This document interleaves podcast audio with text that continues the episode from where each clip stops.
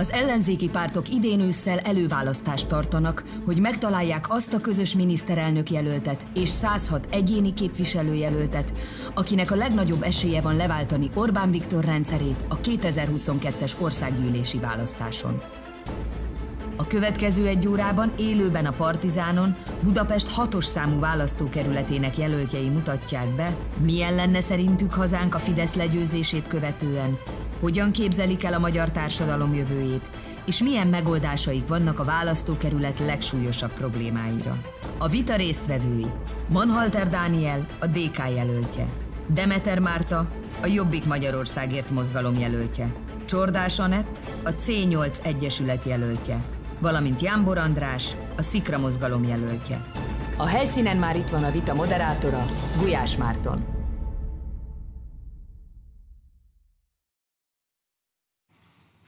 Köszöntöm nézőinket, szervusztok! Élőben jelentkezünk Budapestről, ahol folytatódik a Partizán előválasztási vitasorozata, média partnerünk továbbra is a 444. Most este 7 órakor Budapest hatos szám választókörzetének egyéni ellenzéki képviselőjelöltjei csapnak össze. Összesen három héten keresztül 32 vitát szervezünk meg, nagyjából másfél hete tartanak ezek a viták. A korábbi vitákról, illetve a jövő vitákról minden szükséges információt megtaláltok az előválasztás22.hu oldalon, tehát akár a korábbi vitákat visszanézni is ott tudjátok, illetve ha esetleg nézőként szívesen eljönnétek, hogy élőben is követhessétek az eseményeket, nos, ezen az oldalon keresztül tudtok regisztrálni és helyet szerezni magatoknak. Ha pedig szeretnétek megkapni a viták összefoglalását, akkor iratkozzatok fel a 444 hírlevelére, a reggel 4-re, amely minden reggel 7 órakor az előző napi viták legfontosabb, legizgalmasabb pillanatait küldi el nektek elsőként. Most pedig a vita szabályairól. A vitán minden képviselőjelöltnek azonos időkeret áll rendelkezésére a gondolatainak a kifejtésére. Minden képviselőjelöltnek lehetősége lesz egy nyitó, illetve egy záró beszédet elmondani, ezen nyitó, illetve záróbeszédek alatt a többi képviselőjelölt nem szólalhat meg, nem vághat közbe, nem intézhet kérdést képviselőjelölt társai felé. Lesz azonban három vitablokkunk, amelyben szintén azonos időkeret áll mindenki rendelkezésére, és itt szabadon, bármikor bárki átveheti a szót, kérdést intézhetnek egymáshoz, cáfolhatják képviselőtársaik mondandóját, tehát bármilyen módon átvehetik a szót, kifejezetten biztatnám is önöket arra, hogy használják ezt a lehetőséget, egymással vitázzanak, és ne velem. Kérdezem a képviselőjelölteket, hogy tiszták a szabályok? Igen. Igen. Igen. Igen. Köszönöm szépen, akkor kezdődjön a vita. Következnek a nyitóbeszédek. A nyitóbeszédek sorrendjét sorsolással döntöttük el a képviselőjelöltek jelenlétében. Ennek függvényében most elsőként Manhalter Dániel nyitóbeszéde következik.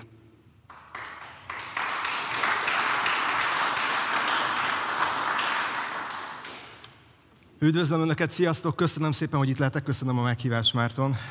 2005-ben végeztem egyszerre a Közgázon és a Színművészeti Egyetem tévé és szakán, úgyhogy kicsit itt otthon érzem magam ebbe a stúdióban.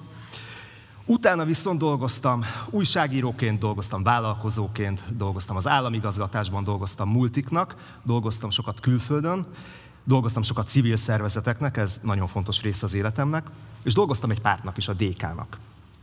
Körülbelül fél évvel ezelőtt karácsony előtt csörgött a telefonom, DK elnöksége hívott, és kérdezték, hogy elindulnék-e Józsefvárosban és Ferencvárosban az előválasztásom. És hogy tulajdonképpen gyorsan azt mondtam, hogy igen. És azért mondtam, hogy igen, mert egyrészt ismerem a környezetet, hiszen itt éltem sokáig, ide jártam iskolába. Másrészt pedig, ami szerintem az előválasztás legfontosabb kérdése, hogy én képesnek érzem magam arra, hogy legyőzzem a Fideszt. Tehát ezért mondtam igazából igent. Egy olyan ember tudja legyőzni a Fideszt, az én álláspontom szerint, aki ha kell, elmegy a falig. Ez néha kényelmetlen, de én tényleg ilyen vagyok. Én elmegyek a falig. Egy olyan ember tudja legyőzni a Fideszt, aki tudja és érti a helyiek problémáit. Ez egyébként nem egy könnyű feladat, ehhez nagyon sokat kell járni a kerületet. De volt egy feltételem. Azt kértem az elnökségtől, hogy én hagy politizálhassak úgy, ahogy eddig dolgoztam. És azt mondták, hogy rendben van. És elsőként a manhalter.hu weboldalon leprogramoztattam egy házhoz hívó rendszert. Ennek az a lényege, hogy bárki, aki szeretne velem találkozni, az csak választ egy szabad időpontot, most is vannak szabad időpontok, szóval tessék foglalni, és én oda megyek, és meghallgatom a problémáit, és megpróbálunk rá közösen megoldást találni. Ez szerintem egy nagyon fontos üzenet, mert én nem akarom elvárni a választóimtól majd, hogy hozzám jöjjenek, sem a kampány alatt, sem, hogyha megválasztanak képviselőnek, nem. Egy képviselő menjen oda az emberekhez, és képviselje őket. A másik pedig előre megmondtam Dobrev Klárának, hogy én egy ilyen kiárós képviselő leszek, úgyhogy állandóan az ajtaján fogok kopogtatni. Azt mondta, hogy ez így neki oké. Okay. Köszönjük szépen. Csordás Anett nyitóbeszéde következik.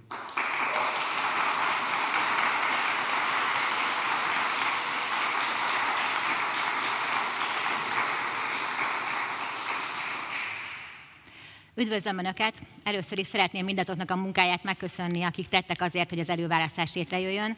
Ez egy óriási dolog Magyarországon, én nagyon boldog vagyok, hogy ennek a részese lehetek, mint országgyűlési képviselőjelölt. Viszont óriási a tét. Egyrészt tényleg, ahogyan Dániel említette, meg kell találnunk a Fidesz legjobb ellenfelét, másrészt pedig azt az embert is, aki bárhogyan alakul a választás, de képes lesz kőkemény munkával eredményeket produkálni.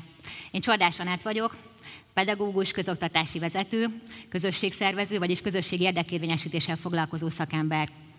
Józsefvárosban élek, a Népszínház utcában lakom, édesanyám Ferencvárosban él a Soroksári úton, ezért én azt mondhatom, hogy valóban itt vagyok itthon. Nekem nem kell ahhoz, bár nagyon sok emberrel találkoztam most is a kopogtatások során, de hát nekem ahhoz, hogy megismerjem a választókerület problémáit, nem kell elmennem, hiszen elég, hogyha csak a szomszédaimmal beszélgetek, hiszen itt élek. Talán minnyáján elfogadják azt, hogy csak azok kerüljenek a parlamentbe, akik már bizonyították azt, hogy valós eredményeket tudnak letenni az asztalra. Én egy ilyen jelölt vagyok. Két évvel ezelőtt vezetésemmel elértük azt, hogy Magyarországra bevezetésekre került egy új szociális juttatás. Tíz év után először került bevezetése egy új szociális juttatás Magyarországon. Ez a juttatás több mint 20 ezer család életében hozott jelentős változást. Jelenleg ez a juttatás háromszorosa az eredetinek, és jövőre, néhány nappal ezelőtt Novák Katalin családügyi miniszter bejelentette, hogy eléri a minimál bérszintjét. Én képes voltam nem a parlamentből, hanem kívülről óriási változást, kézzelfogható változást elérni. Vajon, ha bekerülök a parlamentbe, mi mindenre leszek képes? Köszönöm.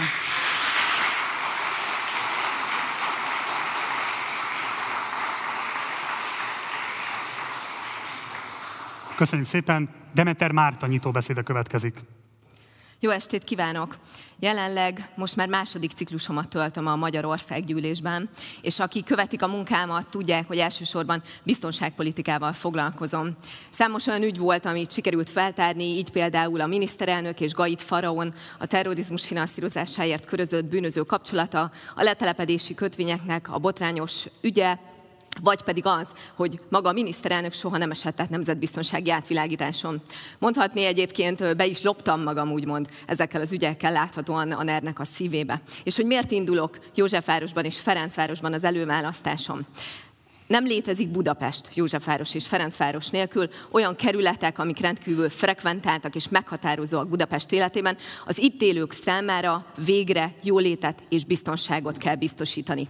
Emellett pedig szimbolikus ez a választás, hiszen Kocsis Máténak vagy valamely emberének a legyőzése ebben a körzetben egyben az Orbán rendszer legyőzését szimbolizálja.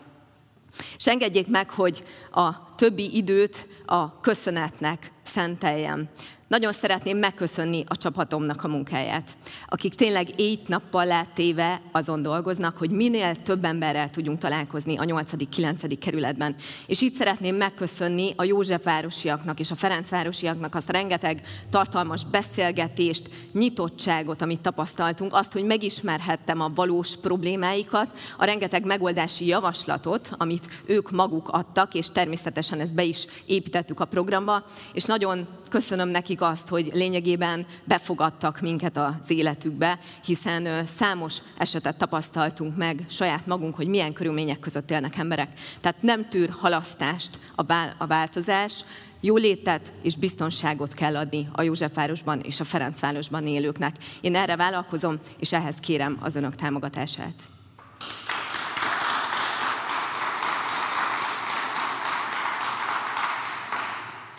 Köszönjük szépen. Jánbor András nyitóbeszéde következik. Jó estét!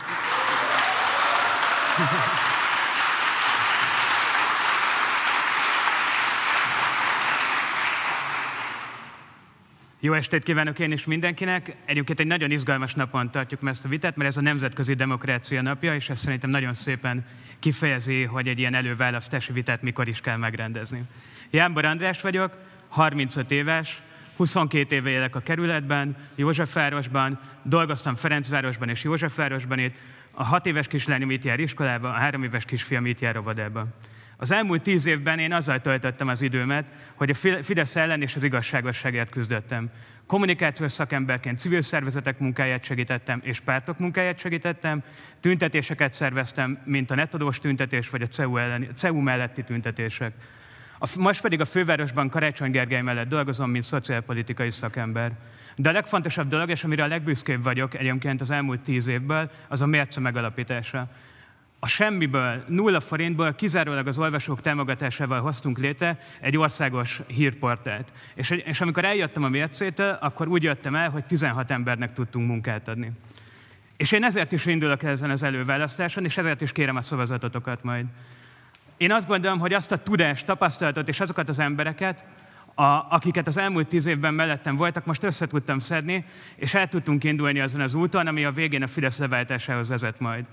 Megszerveztük a diákváros melletti tüntetést, ahol több mint tízezren voltak, gyűjtöttünk 16 ezer aláírást, népszavazást kezdeményeztünk Karácsony Gergelyel közösen, hogy megépüljön ez a 12 ezer kollégiumi férőhely és 5800 bérlakás, amire ennek az országnak és ennek a városnak szüksége van. 400 aktivista áll mellettünk, egy óriási kampányt építettünk, és én azt gondolom, hogy ilyen kampányokat kell építeni az, hogy helyben és országosan is legyőzzük a Fideszt. Mert nem elég helyben legyőzni a Fidesz, amiről a következő másfél órában beszélni fogunk, amiket mondani fogunk, az csak akkor fog megvalósulni, ha országosan is legyőzzük 2022 áprilisában a Fideszt.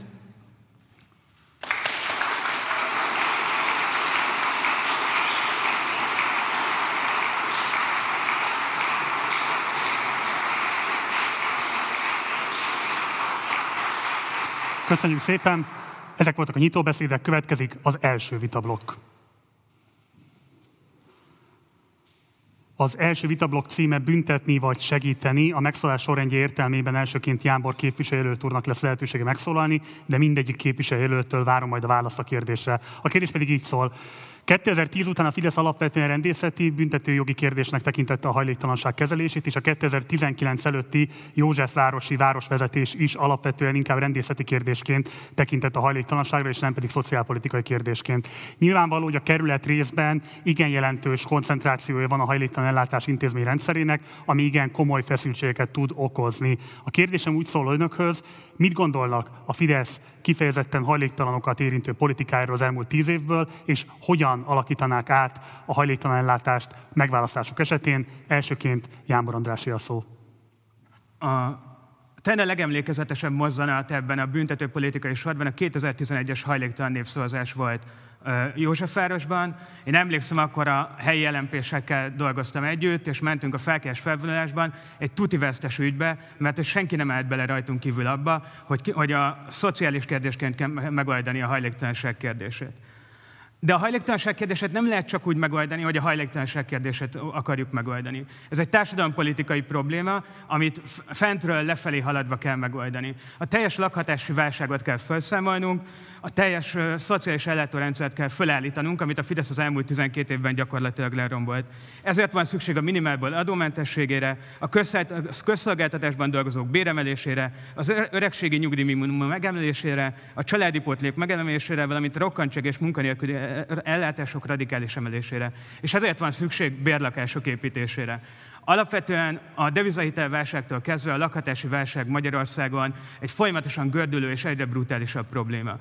Nem csak bérlakások építésére van szükség, hanem a komfortfokozatok emelésére is. Ezért, van, ezért nagyon fontos például az, hogy a panel és gangos házak felújításába belekezdjünk végre, és a, a újraindítási alapot felhasználva majd a kormányváltás után felújítsuk azokat a házakat, amiket az elmúlt tíz évben egyébként a Fidesz nem újított fel, hanem kívülről lefestette a vakolatát.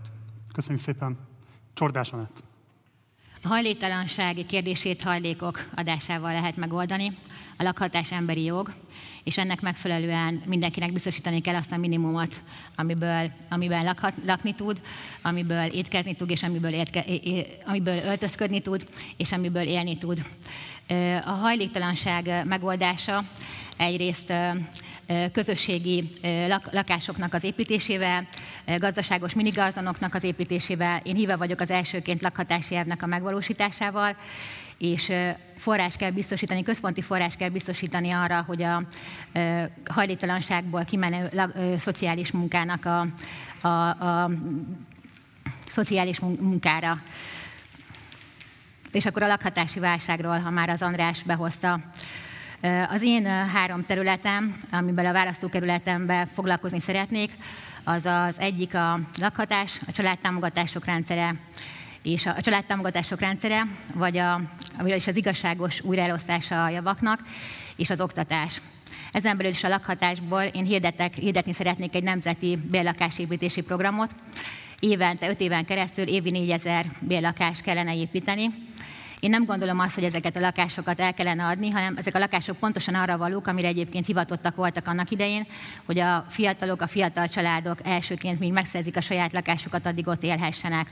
Tehát a bérlakásprogram a nemzeti lakásprogram, azon kívül csatlakozom ahhoz, amit az András mondott, hogy igenis, és a leromlott állapotú bérházakat föl kell újítani, erre központi forrás kell biztosítani, valamint nagyon, valamint kezdőtőkével az üres lakásokat, ki kell az üres lakásokat,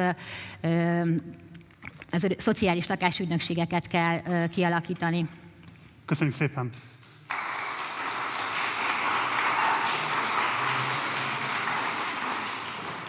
Dementer Márta. Józsefvárosban és Ferencvárosban a legégetőbb problémáknak az egyike a lakhatási probléma, a másik pedig a munkahelyek kérdése. Ezeket jelölték meg leginkább az emberek, és azt gondolom egyébként országosan is borzasztó fontos kérdésekről beszélünk egyértelmű, hogy az önkormányzati bérlakások szörnyen rossz állapotban vannak, a lakásállománynak körülbelül az egyötöde áll üresen, és a bentlakók is olyan problémákra panaszkodnak, mint hogy borzasztó penészesek a falak, leomlik a vakolat, egy gangon egy mosdó van, amit 5-6 család használ, és ezek fűtetlen helyiségek, tehát azonnali cselekvés kell. Tehát igen, szükség van bérlakás építési programra, viszont aki Magyarországon építkezett, az pontosan tudja, hogy ez nem egyik percről a másikra megy. Tehát amellett, hogy azonnal el kell kezdeni egy ilyen programot, sürgős tűzoltó segítség kell. Ez pedig, amit már magam is megtettem az országgyűlésben javaslatot, hogy minden család igényelhessen 3 millió forintos lakásfelújítási támogatást, amit egy éves szinten másfél milliárd forintos keretből lehet lehívni, így azonnal megkezdhető a lakásállomány ö, ö, állapotának a javítása.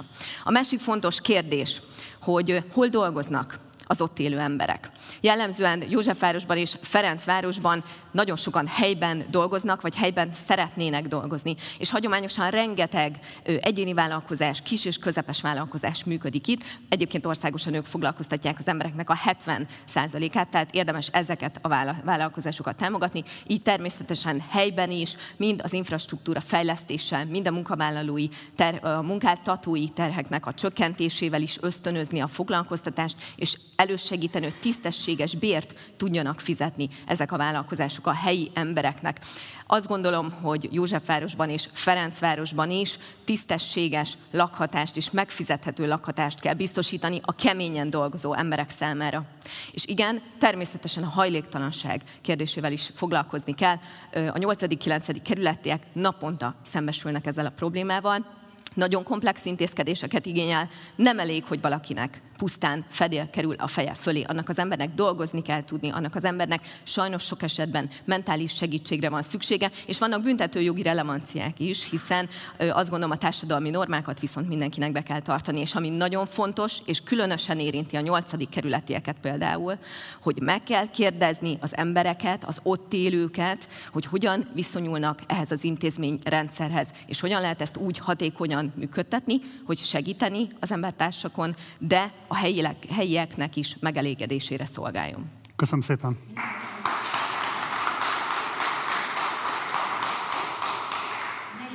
szeretnék fúzni, hogy nagyon fontos az, hogy az önkormányzatoktól elvont forrásokat visszaadni.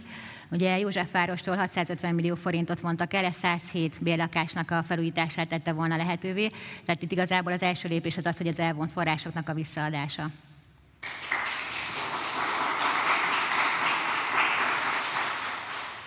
Köszönöm szépen. Hát haladjunk sorban, nagyon sok fontos dolgot elmondhatok. Én ezt egy picit rendszerezném. Egyrészt válaszolnék a kérdésére.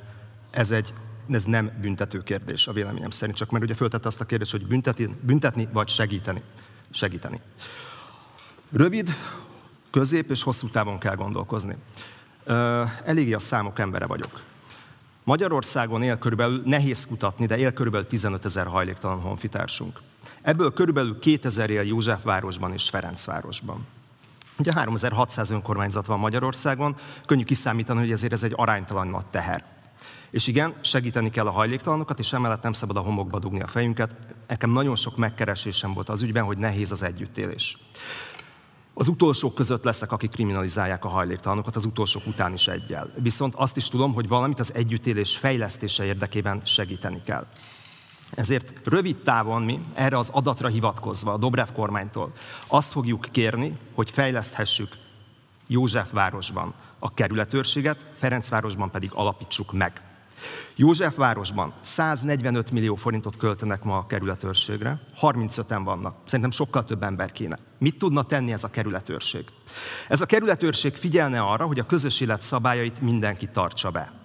Ez a kerületőrség figyelne arra, hogy ha valahol baj van, akkor gyorsan odaérjenek a polgárőrök vagy a rendőrök. És ami nagyon fontos, ebbe a kerületőrségbe meg kell hívni dolgozni azokat a hajléktalan honfitársainkat, akik tudnak és szeretnének dolgozni. A hajléktalanok 79%-a szeretne munkát vállalni. Ez egy nagyon jó adat. És én azt gondolom, hogy ha a hajléktalanok 79%-a szeretne dolgozni, és a kormány erre ad plusz forrást, akkor vigyázzunk együtt a 8. és a 9. kerületre, mert erre van esély és van lehetőség. Mit lehet csinálni középtávon? Ugye?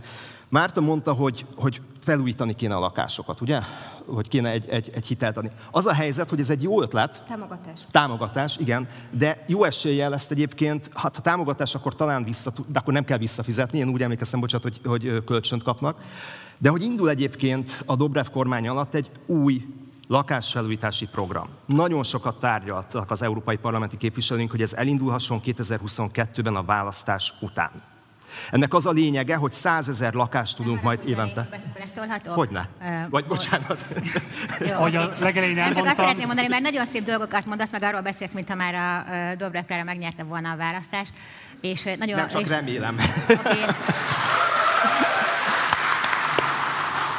Viszont arról nem beszélsz, amit egyébként meg megtettél, hogy a, hogy a saját programodat bemutató videóban hajléktalanokat mutogattál. A hajléktalan embereknek ugyanúgy jár a méltó emberi uh-huh. jog, az, és egyszerűen a, méltóságukban megsértetted akkor ezek őket. Szerintem akkor... az a levél, amit Piko András nekem írt, hozzád is eljutott, pedig azt mondta, csak nekem írta, és képzeld el, én felhívtam. Én egyszerűen csak megnéztem a videódat, bocsánat, és egyszerűen felháborító, felháborító az a helyzet... ezt. Tehát, hogy, hogy, hogy hagyj fejezzem be, amit szerettem Persze, volna. Bocsánat. Köszönöm hogy, hogy egyszerűen hogy beszélhet valaki arról, hogy ő mit szeretne a hajléktalanság érdekében megtenni, mikor olyan alapvető dolgokat nem tesz meg, hogy mondjuk a hajléktalanokat nem mutogatja kiszolgáltatott állapotukban. Nem hiszem, nem hiszem azt, hogy te egyeztettél volna velük, hogy, hogy felvedd őket, vagy az, hogy aláírtak volna, aláírták volna azt, hogy ők Hát látod, hogy Annett, akkor itt van a probléma. Hogy, hogy a,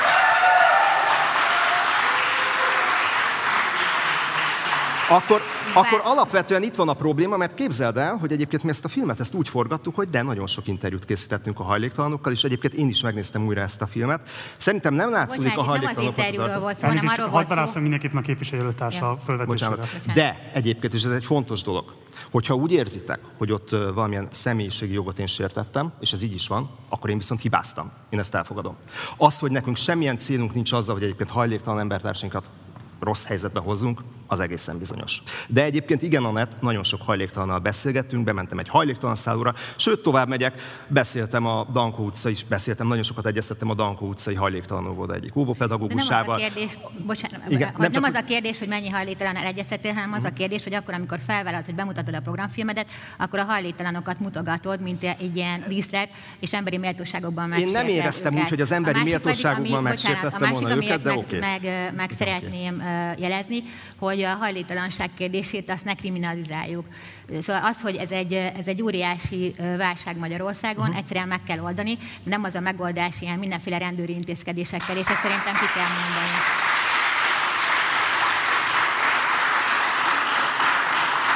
Anett, Anett, nagyon egyet gondolunk, hiszen Mártonnak ugye azzal kezdtem, hogy nem kriminalizálni, hanem segíteni kell az embereket. De akkor tovább megyek.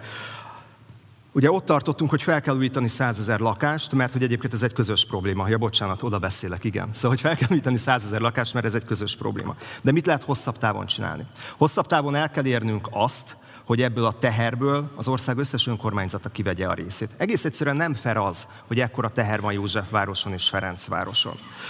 Mondok csak egy példát. A 12. kerület évi 3 millió forintot fizet a Máltai Szeretett Szolgálatnak azért, hogy ellássák a hajléktalanokat. Szerintem ez nem fair. Szerintem vegyen mindenki részt ebben a közös problémában, és hogyha ez hosszabb távon megvalósul, és hogyha végre sikerül a szociális bérlakásokat felújítani, akkor van lehetőségünk arra, hogy ez a probléma érdemben csökkenjen. Köszönjük, csak azért ezt nem bocsánat, mert el fog fogyni az ide, és szeretném, hogyha a második kérdéskörre is lenne lehetőségük majd kifejteni az álláspontjukat. De előtte fordulok Jánbor András és Demeter Mártához. Kívánnak-e hozzászólni képviselőtársak igen, igen, igen. A tehát a Dani azt mondta, hogy a hajléktalan emberek 73% 79 százalék egy 2019-es február 3-ai kutatócsoportnak. Men, Menhely kutatása szerint a hajléktalan emberek több mint 60 a dolgozik.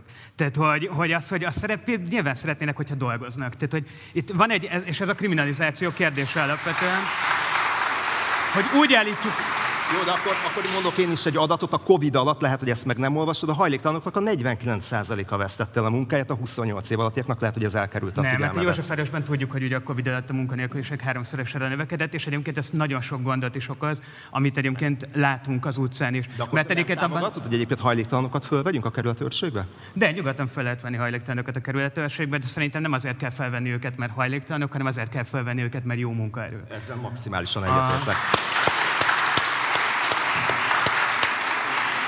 A másik, amikor, amikor azt mondod, ugye, hogy milyen alacsony létszámú a kerületőrség, igazából ugye nem arról van szó, hogy plusz kerületőrséget kell csinálni, arról van szó, hogy léteznek most is olyan szabálysértési eljárások, amikkel azokat a problémákat lehet orvosolni, amikkel egyébként nyilván nekem is éreznek folyamatosan a választópolgárok.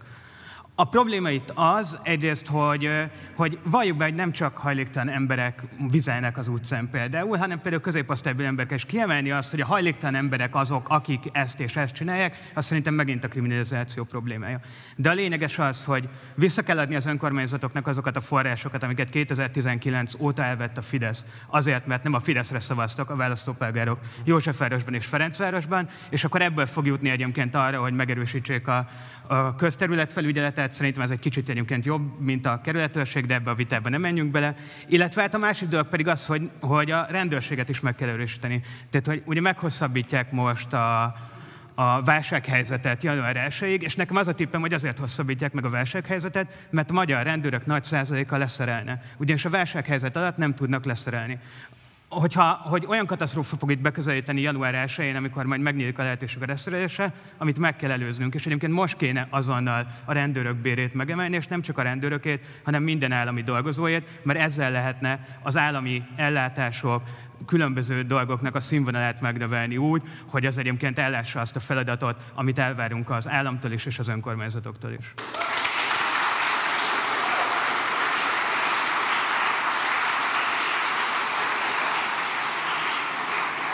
Demeter Márta? Nyilván olyan kérdésekről beszélünk, olyan problémákról, amiknek az újratermelődését is meg kell előzni. Tehát komoly intézkedésre van szükség ehhez. És ha a lakhatásról beszélünk, akkor nem hagyhatjuk figyelmen kívül, hogy a fiatalok milyen helyzetben vannak. Egy kezdő fizetéssel rendelkező fiatal jelen pillanatban a fizetésének 70-80%-át is elkölti albérletre, tehát azonnali intézkedés kell ebben is. És nagyon fontos, hogy lenyomjuk az albérletárakat, egy olyan megoldást találjunk, amivel egyébként a főbérlőt is lehet kompenzálni, például az ő számukra jogi biztonságot kell nyújtani. A másik dolog pedig az, hogy a saját lakáshoz jutást is segíteni kell.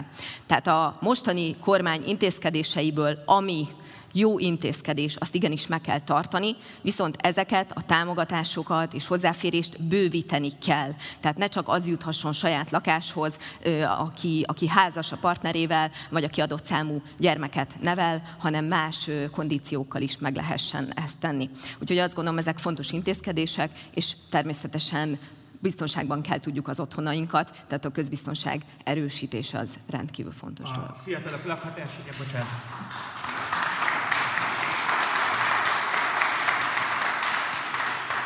A fiatalok lakhatására és az albélet árak csökkentésének van egy egész jó megoldásunk, amiért már több mint fél éve küzdünk. Ez a diákváros megépítése, 12 ezer kollégiumi férőhely, 5800 bérlakás. Ez, ezt Karácsony Gergely együtt meg fogjuk csinálni a kormányváltás után, és ettől egyébként csökkenni fognak az albérletárak, hogyha egy ilyen szintű plusz lakásállomány a budapesti albérletpiacra belép.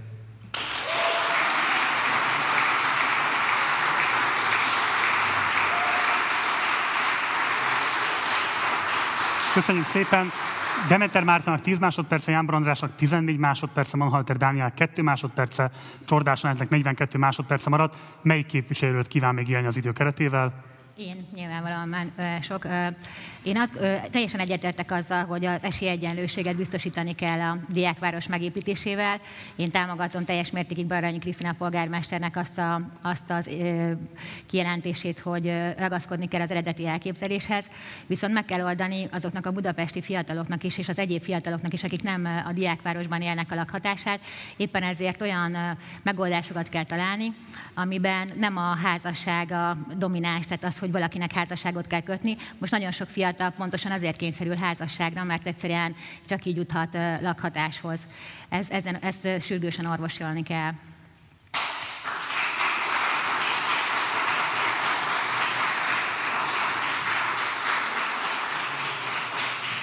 Én továbbra is csak azt tudom mondani, hogy a diákvárosban még nem lakik senki, tehát hogy azoknak a fiataloknak a lakhatását, akiknek majd a jövőben kell megoldani, a jövőben felépülő diákváros meg fogja oldani. De egyébként egyetértek azzal, hogy a csókon túl ki kell terjeszteni a, a fiatalok lakhatási támogatását. Köszönjük.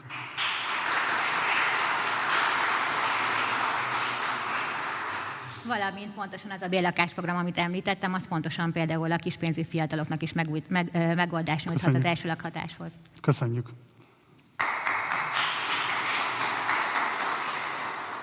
Senki többet? Nem lesz diákváros, mert kormányváltás lesz. Köszönöm. Köszönöm szépen. Köszönjük szépen, ez volt az első vitablok, következik a második vitablok. Azért nehogy már most derüljön ki, hogy te is a másik Minden esetre mindjárt majd tisztázzák, bocsánat, de azért a második vitablokra közben elvezzünk át.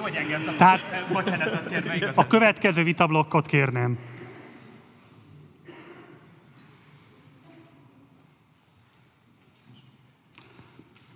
Sokszínű Magyarország a vitablokknak a címe, a megszállás sorrendjét itt is sorsolással döntöttük el, ennek alapján elsőként Csordás képviselőt asszony fog majd válaszol szolgálni, de a többiekhez is szól a kérdés. Ugye a választókerület egy multietnikus összetételű választókerület, történetileg multietnikus összetételű. 2015 óta ugyanakkor a kormányzat szisztematikusan gyűlöletkeltő, kirekesztő kampányokat folytat a nem fehér bőrszínű honfitársaink ellen, és kiemelten a menekültek ellen. Megválasztások esetén hogyan küzdenének a szisztematikus kirekesztés, illetve az állami gyűlöletkeltés ellen. Elsőként Csordáson etté a szó. Szükség van. Én elítélem abszolút minden olyan gyűlöletkeltő kampányt, amit a Fidesz folytat, aminek egyébként mestere lett, és éppen ezért az az első lépés, hogy ezt meg kell akadályozni, és sőt büntetni kell azt, aki ilyet, ilyet tesz. Szabályozott migráció, bevándorlási törvény, és büntetni kell azt, hogyha valaki kereskedelmi célból használja a migrációt, vagy politikai reklámozásra. Ennyit a, a migrációról. Köszönöm szépen. Másodikként Jánbor András a szó. Ugye nagyon érdekes ebben a kerületben erről a témáról beszélni, mert hogy Józsefváros és Ferencváros is két olyan kerület, ahol nagyon sok olyan embertársunk élt velünk, akinek mondjuk nem magyar az állampolgársága, vagy magyar az állampolgársága, de mondjuk más a bőrszíne.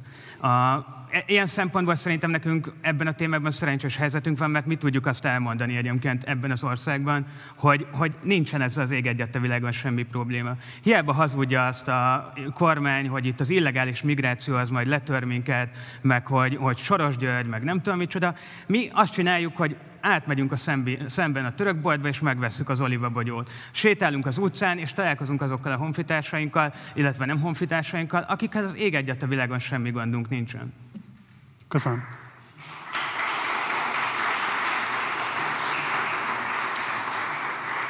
Manhalter Dániel. Egy, egy kiegészítés, hogy azt hiszem, hogy Ferenc pápa mondta azt, hogy a migráció csak azoknak a fejében jelent fenyegetettséget, akiknek hangoztatásából ebből hasznot húznak. Köszönöm.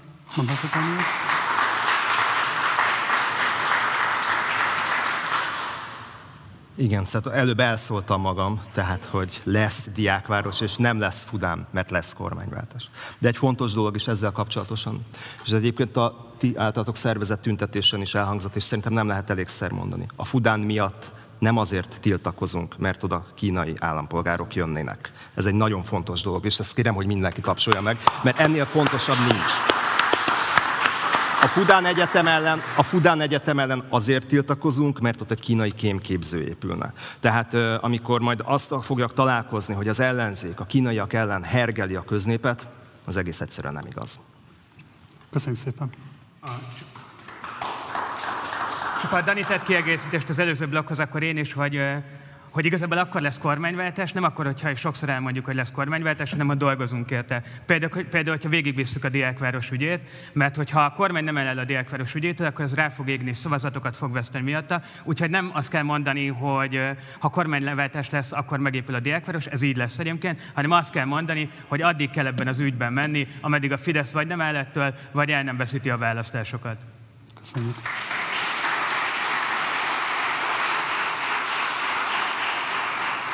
Szemeter Márta. Hát függetlenül attól, hogy kinek milyen a bőrszíne a 8.-9. kerületben élőknek, ugyanazokkal a problémákkal kerestek meg engem az emberek. Ezek a lakhatási kérdések voltak, a megélhetési kérdések voltak, a közbiztonság volt, a köztisztaság volt, hogy mi történik azokkal az egyébként sok százmilliárdos állami beruházásokkal, amiket most a kormány valamilyen formán megkezd, elfelejtette megkérdezni a helyeket. Úgyhogy én azt gondolom, hogy a szegénységet kell tudni kezelni és megoldani. Az emberek számára ténylegesen megfizethető lakhatásra van szükség, és munkahelyet kell biztosítsunk számukra. Egyértelmű, hogy például a 100 milliárdos állami beruházásoknál, amiről nem kérdezte meg ugye az embereket a kormány, legyenek azok egyébként közlekedésfejlesztési beruházások, vagy akár Ferencvárosban, külső Ferencvárosban a Dunapartnak a fejlesztése, amelyik valószínűleg megint valamilyen fideszes luxus beruházás lesz, és nem a helyiek érdekét szolgálja. Na ezeket kell úgy módosítani, átforgatni, hogy ne a nagy beruházók nyerjenek ezzel, hanem igenis a helyi emberek számára legyen minél több munkahely, pihenőhely a családjuk számára közösségi tér, ahol az emberek tudnak egymással beszélgetni és megismerhetik egymást. Kulturális programok, óriási igény van erre Ferencvárosban is és Józsefvárosban is. Ami nagyon fontos mégis azt gondolom, hogy akik szegénységben élnek, számukra is segítség lehet, hogy olyan szolgáltató központokat kellene létrehozni, több jelzést is kaptunk ezzel kapcsolatban, hogy lenne rá igény, ahol mind a postai szolgáltatások, tehát egy hosszú postai nyitvatartással, mind banki, mind állami közigazgatási szolgáltatások és ügyintézés lehetséges, és a helyben élő emberek kapnak el segítséget. Tehát ott találnak nyomtatót, vannak ott szakemberek, akik tudnak segíteni az elektronikus űrlapoknak a kitöltésében, kitöltésében. Rengetegen vannak, egyébként fiatalok borzasztó nehéz helyzetben, és egyébként idősebbek, akik vagy nem használják úgy a számítógépet, vagy pedig másokból nem férnek hozzá, akik számára ez segítség lenne. Azt gondolom, hogy ezt kell orvosolni. Köszönöm szépen!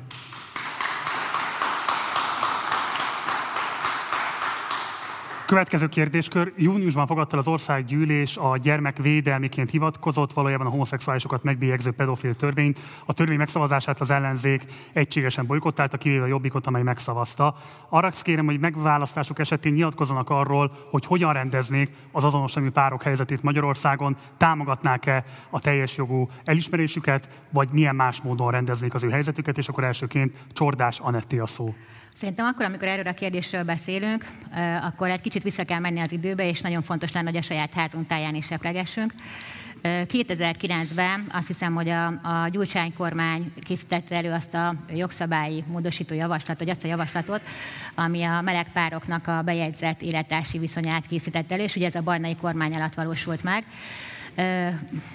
bejegyzett élettársi kapcsolatuk lehet, egymás nevét nem vehetik föl, nem fogadhatnak gyermeket örökbe, és mesterséges megtermékenyítést, tehát gyakorlatilag nem, nem lehet családjuk, vagy Szerintem már ez akkor is egy óriási hiba volt, ami aztán tovább bűrözött, és ugye nyilván a Fidesz kormány alatt egy, egyszerűen egy gyűlöletkeltő homofób kampány, kampány történt, amit én mélységesen elutasítok.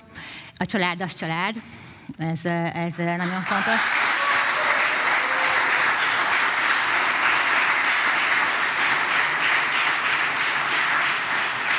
És gyakorlatilag ezzel a jogszabályjal azt mondták ki, hogy nem azonosak az emberek.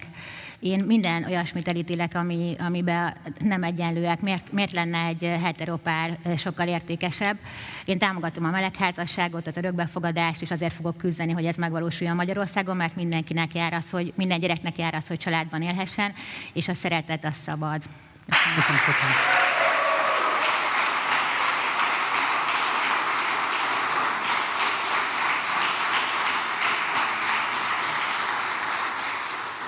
Manhalter Dániel.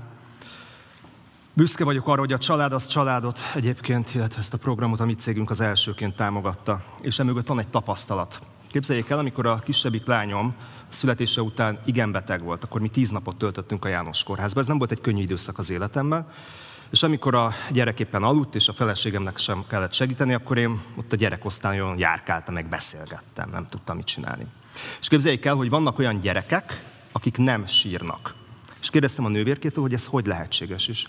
Elkerekedett szemekkel nézett rám, hogy de hát az állami gondozott gyerekek nem sírnak. És kérdeztem, hogy hogy, hogy.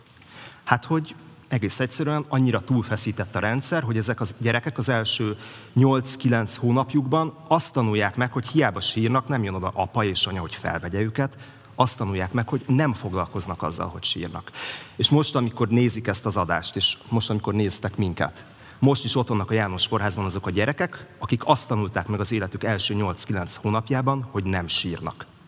És biztos vannak köztünk viták, de abban szerintem azért egyetértünk, hogy azok a politikusok, akik gyerekekkel szórakoznak, azok a politikusok, akik gyerekek jogát veszik el a családtól, legyen egy nemű, legyen ö, ö, szülős pár, teljesen mindegy, azok egész egyszerűen gazemberek.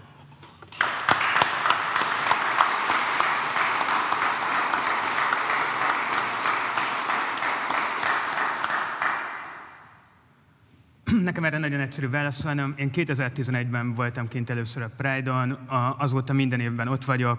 A barátaim között nagyon sok olyan ember van, akinek amikor küzdeni fogunk azért, hogy legyen, lehessen házasság és lehessen gyerekvállás minden magyar ember számára, akkor a saját barátaimért is fogok küzdeni, úgyhogy ez nekem nagyon egyértelmű. A pedofil pedig, pedig ki kell venni a homofób passzust. Köszönöm szépen.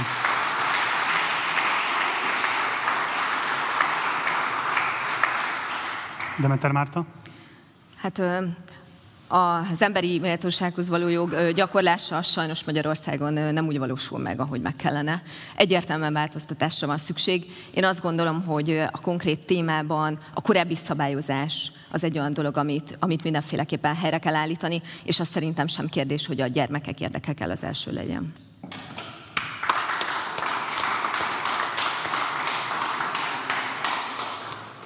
Én annyival még hagy egészítsem ki, hogy, hogy nekünk nyilvánvalóan nem csak a barátaink miatt kell felelősséget vállalnunk az LMBTQ közösségért, hanem azért is, mert a választókerületünk Budapest, Budapesten a legnagyobb arányban élnek LMBTQ emberek, és éppen ezért kötelességünk is mellettük kiállni.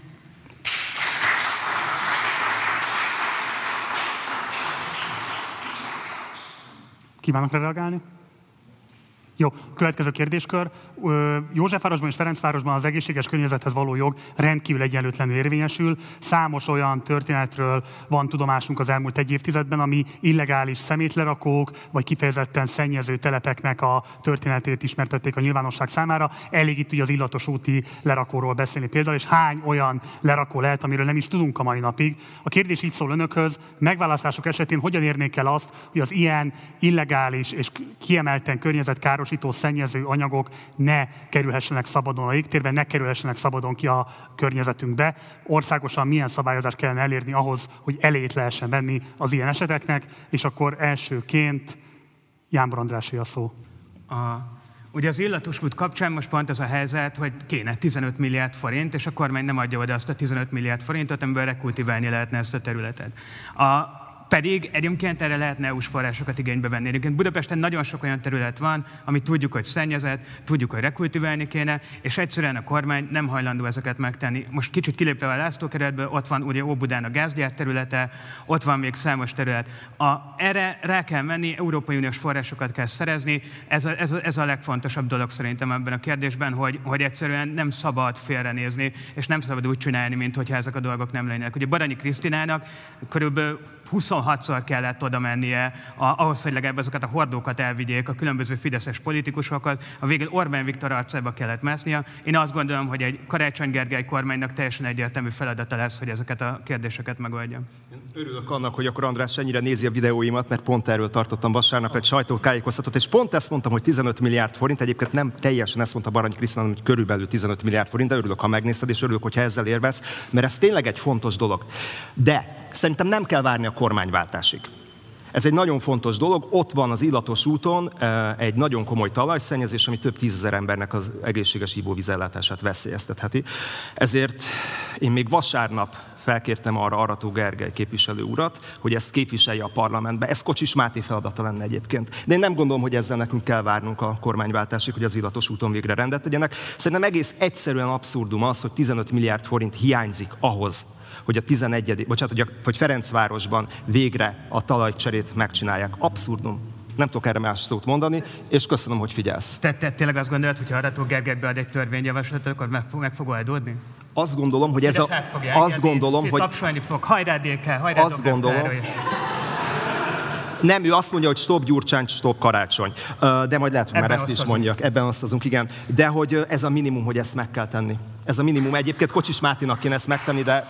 Igen.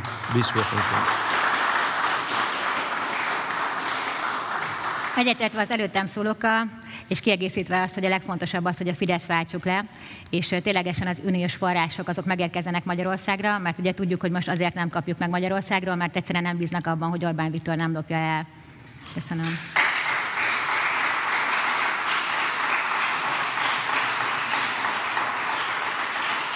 A másik, hogy egyetértek azzal Andrással, hogy attól, hogy egy képviselő bead egy beadványt, attól még nem fog változni semmi. Én arra biztatlak benneteket, hogy akkor álljunk ki közösen, és itt a választás előtt akkor csináljunk egy olyan akciót, üljünk le, én már, már sokat terveztünk kampányokat, hogy akkor legyen ennek vége.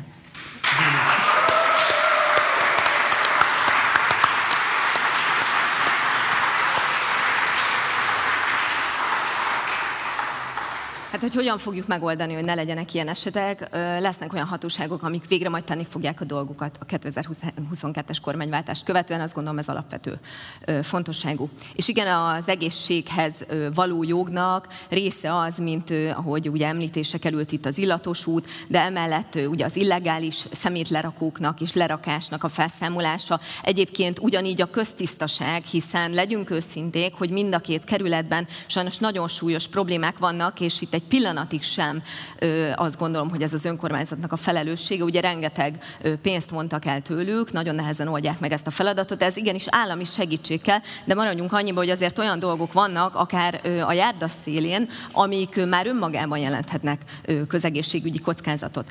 Tehát a problémát mindenképp komplexen kell orvosolni, működő hatóságok kellenek.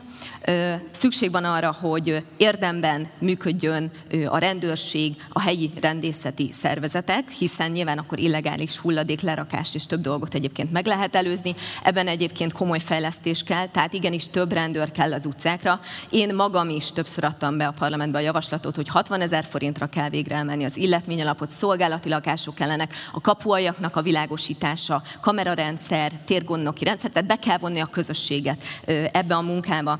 Emellett pedig a köztisztaságon is javítanunk kell, ott is plusz szemeteseket kell kihelyezni, és mindenképp segíteni abban az önkormányzatot, hogy beszerezze azokat a gépeket, berendezéseket, amivel ezt biztosítani lehet. Ehhez állami pénz szépen. kell. Köszönjük szépen.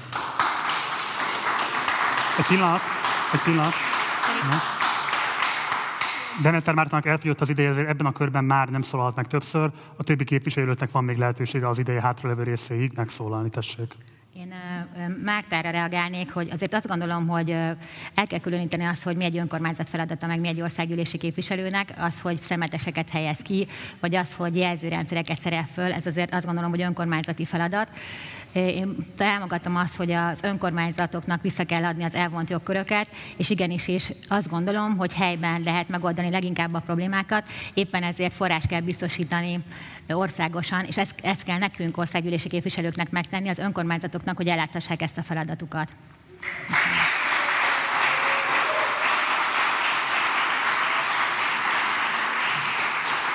Mártának már nincs ide, de szerintem a Márta pontosan erről beszélt, tehát hogy amit az Anett mondott, tehát hogy nincs ellentét. Szerintem sincs különösebb ellentét. Arról van szó, egy képviselőnek mi a feladata, mitől lesz jó egy képviselő, egy egyéni képviselő, hogy nagyon jól együtt dolgozik az önkormányzattal, hogy az utolsó fillért is megszerzik nekik, hogy az utolsó lehetőséget is megszerzi nekik. És igen, erről beszéltünk az előbb, hogy ez most nagyon hiányzik Józsefváros és Ferencváros életéből, hogy pusztán politikai düböl Kocsis Máté nem segíti a kerület vezetését, a két kerületnek a vezetését. Úgyhogy csak visszatérve az egészséges életmódhoz, nekem ezzel kapcsolatosan van egy konkrét tervem, persze hát felmerül annak, hogy ez most kinek kéne, hogy a feladata legyen a önkormányzatnak, vagy az egyéni képviselőnek. Azt gondolom, hogy ebben a támogatás nem árt. Ugye épül egy pár ilyen fideszes luxusstadion a, a hatos VK-ban, és nekem feltett szándékom, hogy ezek megépülnek, akkor a kerületiek ott ingyen sportolhassanak. Ezt már több kerületben meg tudták csinálni. Adjuk meg Józsefvárosi és a Ferencvárosi lakosságnak is azt a lehetőséget, hogy ezekből ilyen fideszes wellness, wellness luxus központok legyenek, csak kimondtam, hanem olyan helyek, ahova tényleg a helyiek tudnak járni, sportolni, kikapcsolódni. Köszönöm szépen.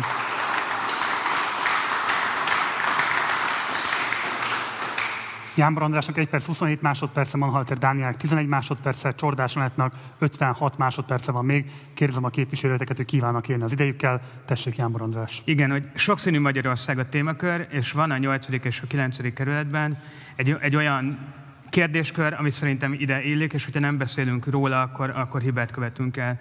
Ez pedig a cigány honfitársainknak a kérdésköre.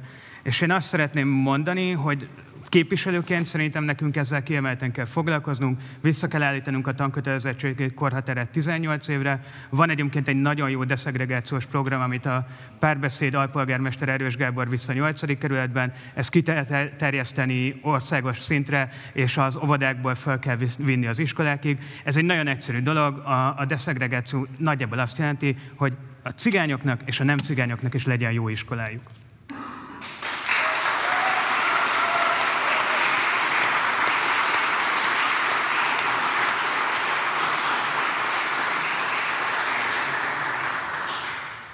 Én azt gondolom, hogy nincsenek első és másodrangú emberek. Magyarországon pedig úgy tűnik, hogy vannak, sőt harmadrangúak is. Ilyenek a, ilyen a roma kérdés, ilyenek a fogyatékossággal élők, ilyenek az LMBTQ emberek. Egyszerűen azt, azt kell elérnünk, hogy mindenkinek egyenlő esélyek járjanak, fel kell számolni a szegregációt. Én talán egy, egyedüliként csatlakoztam a Egy Magyarország mozgalomhoz, ami pontosan a gyűlöletkeltés ellen ö, szállt síkra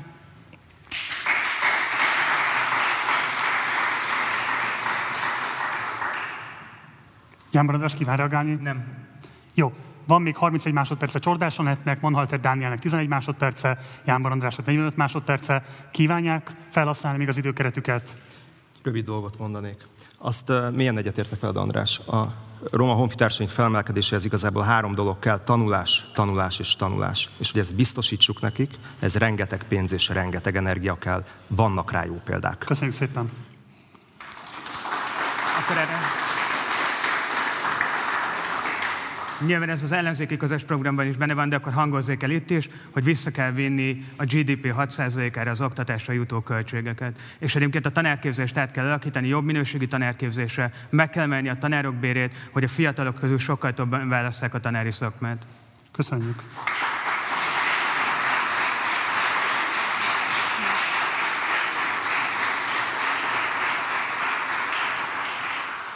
Kívánják felhasználni az időkeretüket, hogy mehetünk a következő vitablokkra. Köszönjük szépen, ez volt a második vitablok, következik a harmadik és egyben utolsó vitablokk. Kormányváltás vagy rendszerváltás, így szól a kérdés, és elsőként majd Demeter Mártánál lesz a válaszadás lehetősége. Az első kérdés nagyon egyszerű. Négy erős jelölt áll az ellenzéki szavazók előtt. Az ellenzéki szavazók pedig az elmúlt két blogban az én szubjektív megítélésem alapján, nem sok segítséget kaptak önöktől arra vonatkozóan, hogy meg tudják különböztetni egymástól az önök szakpolitikai elköteleződését. Éppen ezért azt kérem önöktől, hogy most a válaszokban nagyon egyértelműen jelöljék ki, hogy mi az, ami megkülönbözteti önöket képviselő társuktól, mi az, amire, hogyha a választók bizalmát megkapják, akkor önök kiemelten fogják képviselni, megkülönböztetetten a többi jelölt társuktól. Elsőként Demeter Mártája a szó. Köszönöm, mert én először az első kérdésre válaszolnék, hogy kormányváltás vagy rendszerváltás. Egyértelműen rendszerváltásra van szükség, ez nem kérdés. Viszont nagyon súlyos a helyzet. Elképesztő harcokra kell felkészülni, és azt gondolom, hogy ezekben a harcokban, mivel kevés lesz az idő a felkészülésre, ezért fontos lesz a tapasztalat, és azt gondolom, hogy az országgyűlési képviselői tapasztalat ebben fontos. Egyébként pedig a rendszerváltásnak az egyik alapja az, hogy az állami működést újraindítsuk és újra építsük, hiszen jelen pillanatban az Orbán kormány nem kormányoz, most már azt kell mondjuk, hogy sok-sok éve nem kormányoz, kizárólag a zsebüket tömik. És nagyon sok esetben egyébként ezek büntetőjogban ütköző cselekmények is. Tehát az elszámoltatást azt végig kell tudni vinni. Én azt gondolom, hogy a hitelesség az azon fog múlni, és az lesz a hitelesség kulcsa, hogy kik azok, akik végig tudják vinni az elszámoltatást. Úgyhogy azt gondolom, hogy nagyon jó, hogy Jakab Péter maga is említette a vasárnapi vitában azt, hogy amennyiben nem tudná végigvinni az elszámoltatásnak az ígéretét, akkor lemondana a miniszterelnöki székről, posztról. Mert hogy igen, most arra van szükség, hogy végre olyan emberek legyenek ott, akik vállalják a politikai felelősséget. Úgyhogy rendszerváltásra van szükség, 2022-ben ez egy kormányváltással fog kezdődni, és az elszámoltatásra, hogy ezt valóban megvalósítsuk, ehhez azt gondolom személyi garanciák kellenek, és erő kell. Köszönöm szépen. Csordás van a szó.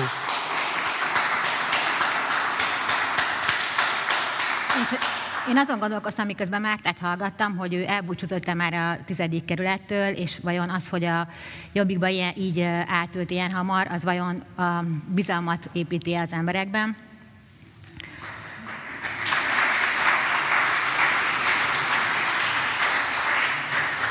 Azt gondolom, ezt az emberek el fogják dönteni. A jelenlegi kormánynak korlátlan az uralma, és én képviselőként azt fogom vállalni, hogy teszek azért, hogy a kormánynak kevesebb hatalma legyen, és sokkal több az önkormányzatoknak. Ez szerintem az első lépés. Én hiszek abban, hogy mindig a fejétől bűzlik a láb, és éppen ezért azzal, hogy nyilván Orbán Viktort leváltjuk, ez az elsőleges cél, de amellett nagyon fontos az is, hogy a különböző intézményeknek az élére olyan emberek kerüljenek, olyan szakemberek, akik valóban értenek ahhoz, amit csinálnak. Az nem kérdés, hogy az Európai Ügyészséghez való csatlakozás, vagy az, hogy a korrupciós bizottságot kell felépíteni, viszont szerintem az egy nagyon fontos és kulcskérdés, és ebben talán különbözőek vagyunk, hogy én nem csak abba hiszek, hogy el kell számoltatni, hanem a kőkemény munkába. Itt tudomásul kell venni azt, hogy nem lesz egyik pillanatról a másikra változás. Nagyon komolyan és nagyon sokat kell azért dolgozni, és nagyon kitartónak kell lenni, hogy változásokat érjünk el. Én már ezt bebizonyítottam, hogy kívülről is változást tudok elérni, és azt gondolom, hogy én garancia vagyok rá, hogy a parlamentbe bekerülve valóban történni fognak érdemi változások, kézzelfogható változások. Köszönöm szépen.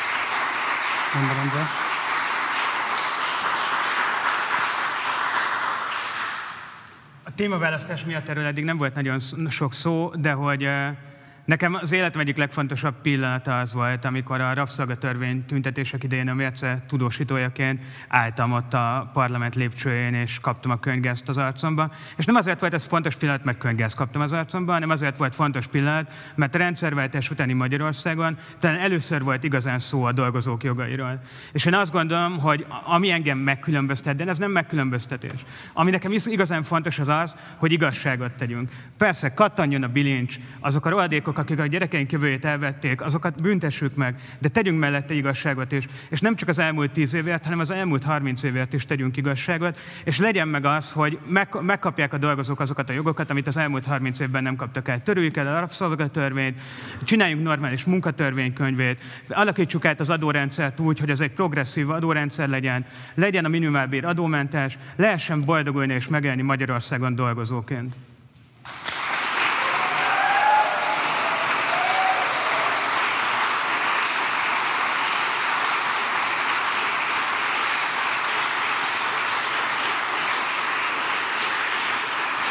Köszönjük szépen, Manhalter Dániel.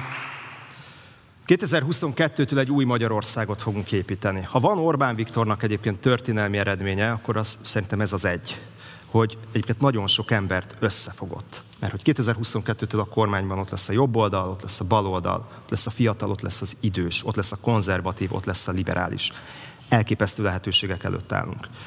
És én nagyon örülök, hogy ebben a választási harcban, ebben a választási küzdelemben így részt vehetek. De ott lesznek ebben az új kormányban a civilek is. És nem akarom megkerülni a kérdésedet. Ugye előbb azt mondtam, hogy tanulás, tanulás és tanulás.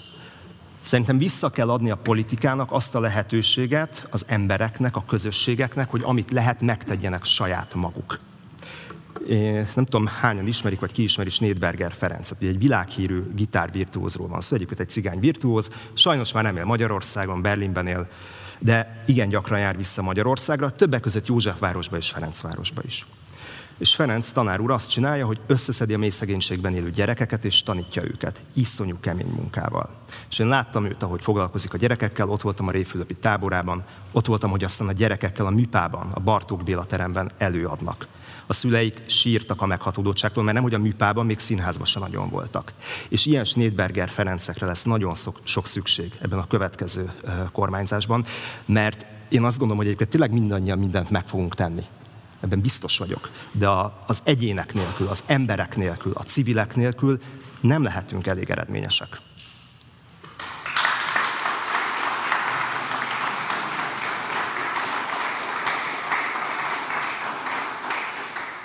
Szerintem mindenkinek biztosítani kell azt a minimumot, amiből meg tud élni. Én szeretném, ha Magyarországon bevezetnék a minimum jövedelmet, és ezért harcolni fogok. A másik pedig, ami nagyon fontos, amit már említettem, hogy számot kell vetni azzal, hogy mi mit csináltunk. És kérdezem a Jánbor András, mert a Spirit FM-es beszélgetésünkön nem tudta egyenesen válaszolni, hogyha Zuglóban élnél, akkor kire, kire szavaznál? Túlcsabára vajon, vagy Hatházi Ákosra?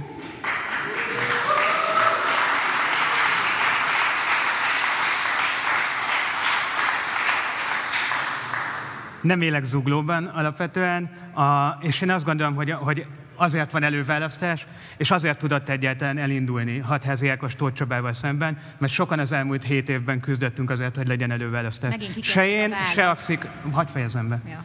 Se én, se a Szikra mozgalom nem támogatjuk Tóth Csabát. Viszont azt le akarom szögezni, és az tényleg legyen nagyon pontos,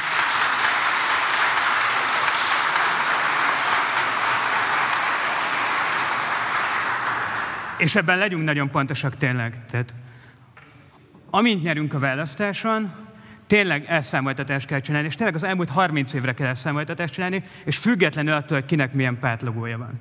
Függetlenül attól. Függetlenül attól, hogy egyébként olyan emberről van szó, aki mondjuk egy olyan pártban ül, ami engem támogat. Egy független ügyészséget kell létrehozni, és ennek a független ügyészségnek minden ilyen ügyet végig kell vizsgálnia.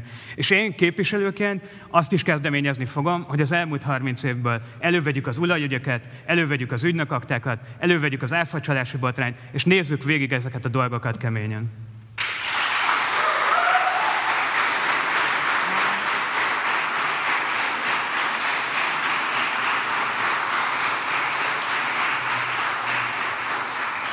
Tehát akkor, ha jól értem, akkor ezek szerint azt mondod, hogy neked mindegy az, hogy melyik párt támogat. Én Nem. azt gondolom, hogy ezért Nem. nagyon fontos az, és minnyáján valószínűleg nagyon komolyan válasz. A... Hadd fejezze be a képviselő asszony? Képviselőt jelölt, köszönöm, hogy, hogy szerintem pontosan nagyon fontos ezeket a dolgokat tisztába tenni, hogy nem szabad elvtelen pártpolitikai alkukat kötni, és pontosan az elmúlt 30 évben én büszke vagyok egyébként arra, hogy a Momentum támogat, az a párt, aki egyébként nem moskolódott be az elmúlt 30 évben, és hogy pontosan is azt gondolom, hogy nagyon fontos az, hogy, hogy kitisztítani a, a pártokat, és hogy fontosak, tehát hogy fontos az, hogy kitámogat minket, nem mindegy. Anett. Anett.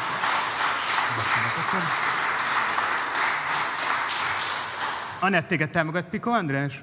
Igen, támogat. De fel is... az MSZP? De ez fel- Elvtelen politikai alkot kötött akkor, amikor elfogadta az MSZP támogatását? Bocsánat, a 2019-es... Én azt gondolom, hogy most nem Piko Andrásnak a választásáról van szó, hanem az én jelöltségemről, és szerintem vegyük ezt komolyan.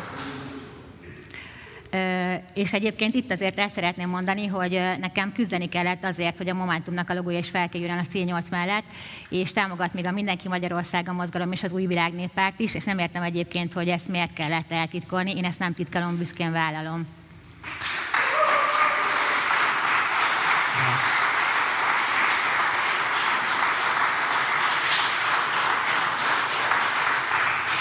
Én nem szégyellem a Magyar Szocialista Pártot. A Magyar Szocialista Pártban, a 8. és a 9. kerületben remek önkormányzati képviselők vannak. A Magyar Szocialista Pártban olyan emberek vannak, mint Komját Imre, aki az elmúlt tíz évet végigharcolta a dolgozók jogaiát. Én nem tudom ezeket az embereket szégyelni, de az biztos, hogy bárki bármilyen pártlogóval kerül be a parlamentbe, bárki bármilyen pártlogóval követel bármit, azt ki kell vizsgálni. És azért kell független ügyészséget csinálni, hogy ez ki legyen vizsgálva. Egyébként még egy dolog. A Anett, ez harmadszorra raktad fel nekem ezt a kérdést. A Szikra és én nem támogatjuk Tóth Csabát. A DK is támogatja Tóth Csabát, a Jobbik is támogatja Tóth Csabát, és Márta együtt ült az Ugló MSZP elnökségében Tóth Csabával. Nekik miért nem rakott fel ezt a kérdést? Felteszem nekik is.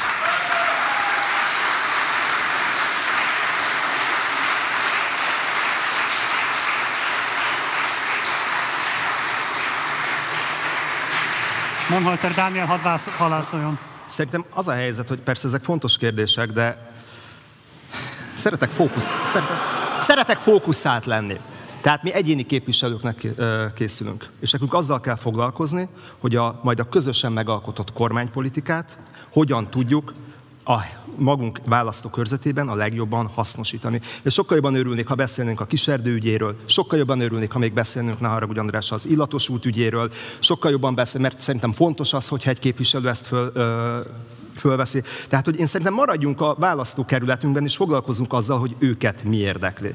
És szerintem az nagyon fontos, hogy például mi lesz a kiserdő ügyével. Ott Mindjárt lesz a lehetőség, csak szeretném, hogy a Csordásánat is válaszolhatna Jánbor András kérdésére.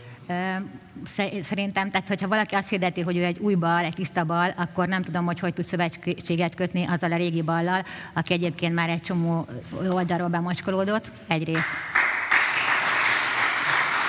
Elnézést, visszakanyarodnék a, Másik, visszakanyarodnék a rendszerváltás kérdésére, hogyha van rá mód, mert Akkor miért fontos... egyetlen egy mondatot az Anettre. De én még nem válaszoltam a kérdésre.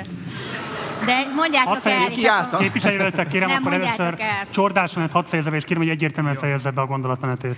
hogy én azt gondolom, hogy pontosan itt van az idő, itt van a lehetőségünk arra, hogy igenis és egy új rendszerváltás legyen. De ezt a rendszerváltást csak akkor tudjuk megtenni, hogy a számot vetünk egyébként a hibákkal, és valójában tényleg minden gyomot kigyomlálunk és eltüntetünk. Köszönöm.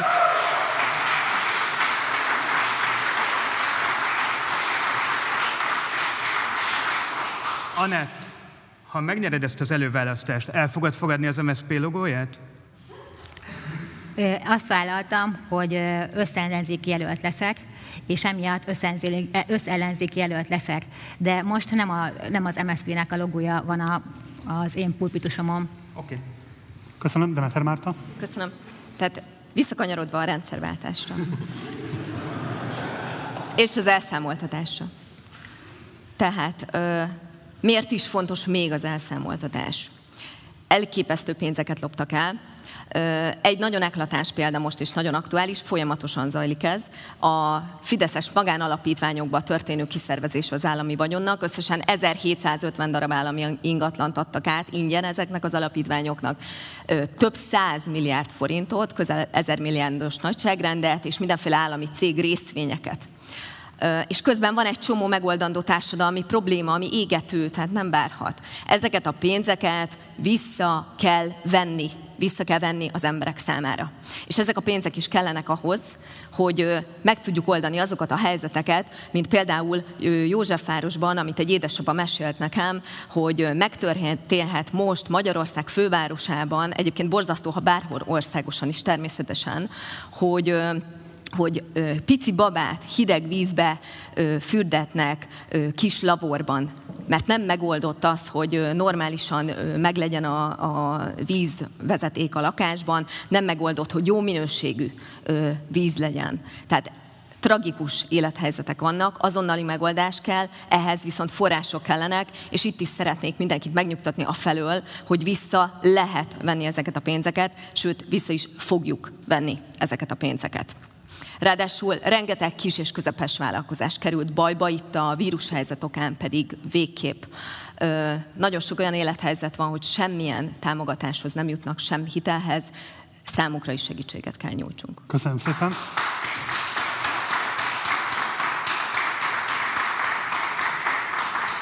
Csak azért éreztem, mert van még egy kérdéskör, és szeretném, hogyha a képviselőt asszonynak is lenne lehetősége válaszolni rá. Ez pedig így szól, ha 22-ben van is kormányváltás, egy rendkívül nehéz gazdasági helyzetben kell majd átvenni a kormányzást.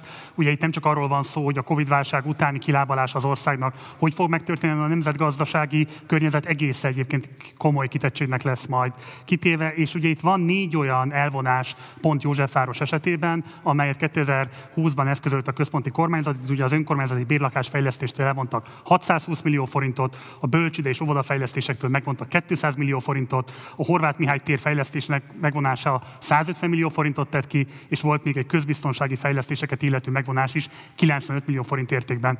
Én biztos vagyok benne, hogy önök mind a négy forrásért harcolnának képviselőként, de teljesen biztos vagyok, hogy a többi képviselőjelölt is fog harcolni a saját körzetének a forrásaiért. Éppen ezért azt kérem önöktől, hogy azt a legfontosabb prioritást jelöljék ki, amiből nem fognak engedni akkor sem, hogyha recesszió lesz 2022-ben kormányváltás esetén. Mi lesz az a forrás, amiért tüzen-vizen átmennek Józsefvárosért a választókörzetért, és akkor elsőként Manhalter Dánielé a szó.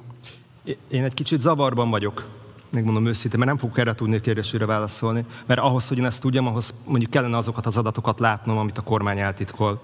Kellene látnunk azt, hogy a 2021 végén milyen állapotban lesz Józsefvárosnak és Ferencvárosnak a költségvetése. Egy ilyen fontos kérdésre én az adatok birtokában tudok válaszolni, úgyhogy én ebben most egy kicsit hátralépek, de természetesen minden forrásért harcolni fogok, ahogy ezt meg is előlegezte. Köszönöm szépen. Jánbor András.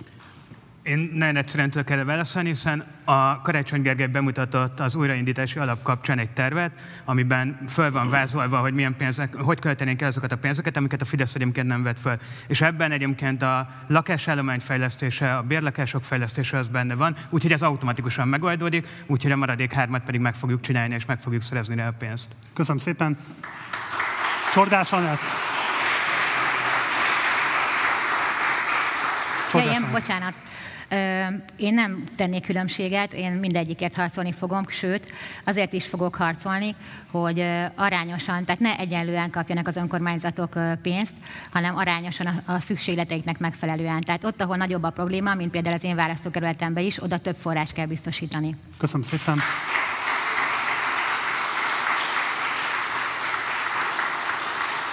Ez is ez viszont már egy olyan megközelítés, ami szerintem nagyon helyes, és ezért is mondom, hogy a kerületőrségre sok pénzt kell majd adni a kormánynak, mert erre pont nagy szükség van, és köszönöm, hogy Anett ezt támogatod. Visszatérve erre az egész dologra, hogy ne felejtsük el, ne felejtsétek el kérlek, hogy mi abból kell a maximumot majd kihozni, amit a közösen, hat párt közösen kormányprogram néven majd letesz az asztalra. Nekünk az lesz a dolgunk, hogy abból kihozzuk a legtöbbet. Egy egyéni képviselőnek ez a feladata. Ezért kapjuk majd a pénzt a választóktól, az ő fizetésükből élünk, őt nekik kell abból a kormányprogramból kisajtolni a maximumot.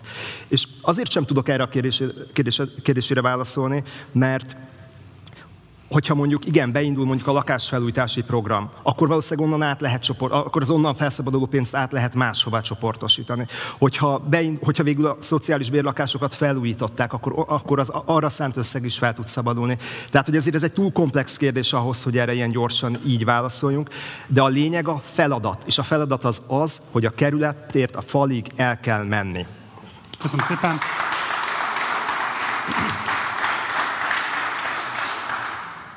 Olyannyira fontos mindegyik téma, hogy mindegyiket benyújtottam a 2022-es költségvetéshez módosító javaslatként.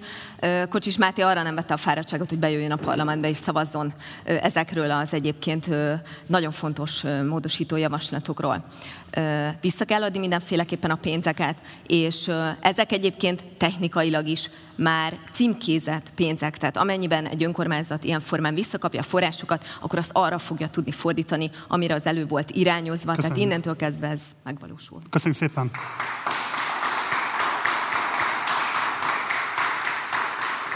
Jámor Andrásnak 57 másodperce, Manhalter Dánielnek 31 másodperce, Csordás Anetnek 22 másodperce van. Kérdezem a képviselőteket, hogy kívánnak élni az idejükkel. Jámor András? Igen. A elszámoltatás kapcsán sokszor sok dologról beszélünk, de van egy fontos dolog, ami egy jó kerületi tapasztalat, vagyis egy elég rossz kerületi tapasztalat, de amiről érdemes beszélni. A 2019-es önkormányzati választások estéjén Ferencvárosban elkezdték megsemmisíteni az iratokat, és Barányi Krisztina polgármesternek és az önkormányzati képviselőknek kellett bemenniük és megakadályozniuk ezeket az irat megsemmisítéseket. És nagyon fontos az, hogy meg kell védenünk ezt a választási győzelmet majd 2022 áprilisában. És ezért fontos az, hogy mozgalmi építkezést csináljunk, ezért fontos az, hogy minél több embert be tudjunk hozni a kampányainkba, mert ott kell állnunk majd este, vasárnap este, és nem ünnepelnünk kell, hanem meg kell védenünk azt a választási győzelmet, amit közösen ki fogunk harcolni.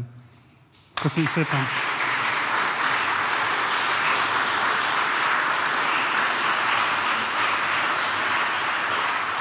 Hát akkor így a vitablok végén csak vissza kanyarodnék Józsefvároshoz és Ferencvároshoz is a kiserdőhöz.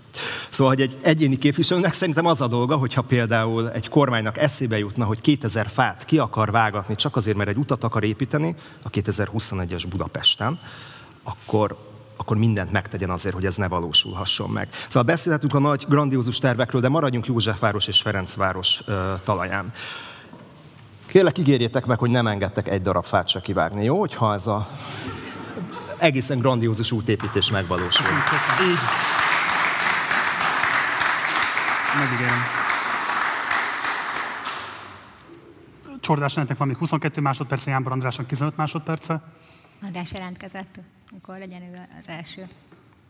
De én megmondtam az előbb. Ja, nem jelentkeztél? Szeretném mondani valamit? Kíván, én, igen, igen, abszolút. Én nagyon örülök, hogy az András azt mondta, hogy mozgalmat kell építeni, ugyanis én semmi más nem csináltam az elmúlt években, mint mozgalmat építettem, sikeres mozgalmakat, úgyhogy ezek szerint én vagyok a te jelölted.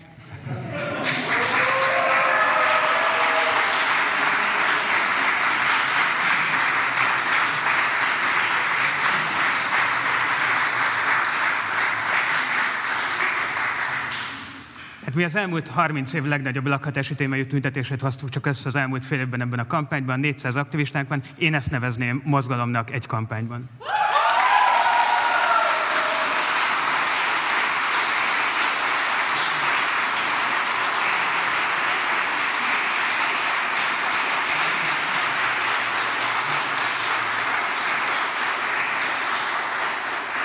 Nekem azért, azért a tüntetésen kell túlélni, egy kicsit több eredményt értem el, hiszen bevezettek egy új szociális utatást, és több mint 20 ezer embernek az élete változott meg emiatt.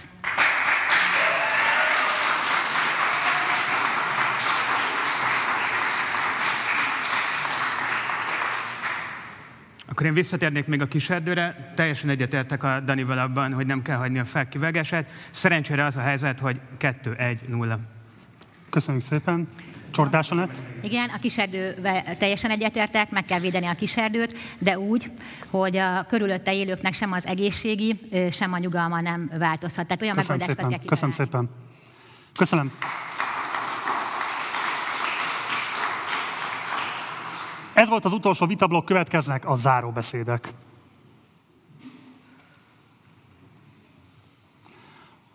A záróbeszéde keretében minden képviselőjelöltnek 2-2 perc áll rendelkezésére, a megszólalás sorrendjét szintén sorsolással döntöttük el. A képviselőjelöltektől azt kérem, hogy közvetlenül a kamerába beszélnek, majd szólítsák meg a választókat, és hangsúlyozzák ki érvének amellett, hogy mi az, ami miatt önök lennének a legjobb választás az előválasztáson résztvevő szavazók számára. És akkor elsőként Jánbor András záróbeszéde következik. Újságíróként sokszor kerültem olyan helyzetbe, amikor azt éreztem, hogy ennél többet kéne tenni. Nyilván a független sajtó iszonyatosan fontos, és azok a kollégák, akik most ebben a rendszerben a független sajtó képviselőiként vívják a küzdelmüket, azok brutális munkát végeznek. De ennél több kell. Nem csak hiteles információkat adni az igazságtalanságról, hanem azon dolgozni, hogy felszámoljuk az igazságtalanságokat. Én két történetet akarok ezzel kapcsolatban elmesélni. Pár évvel ezelőtt a Magdalna utcában egy gangos házban álltam, és néztem, ahogy egy rákos beteg asszonyt, egy családanyát és két gyermekét kilakoltatják.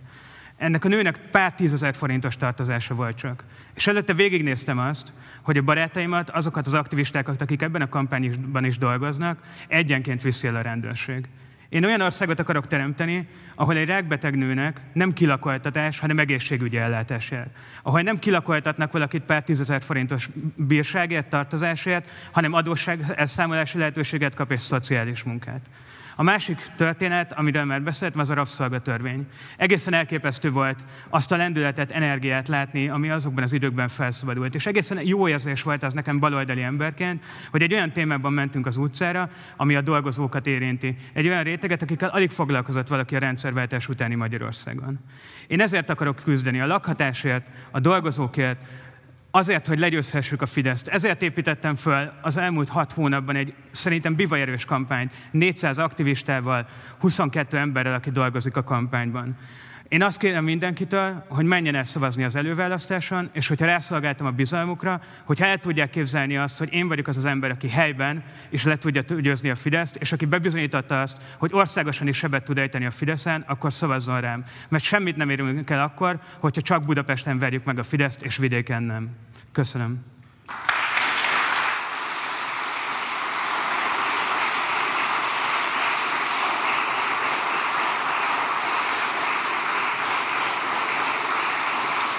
Köszönjük szépen!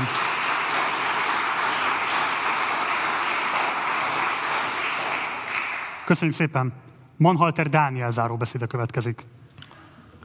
Köszönöm szépen. Hát egy, az előző blokk, blokknak a vége egy egészen furcsa ilyen egotriplet.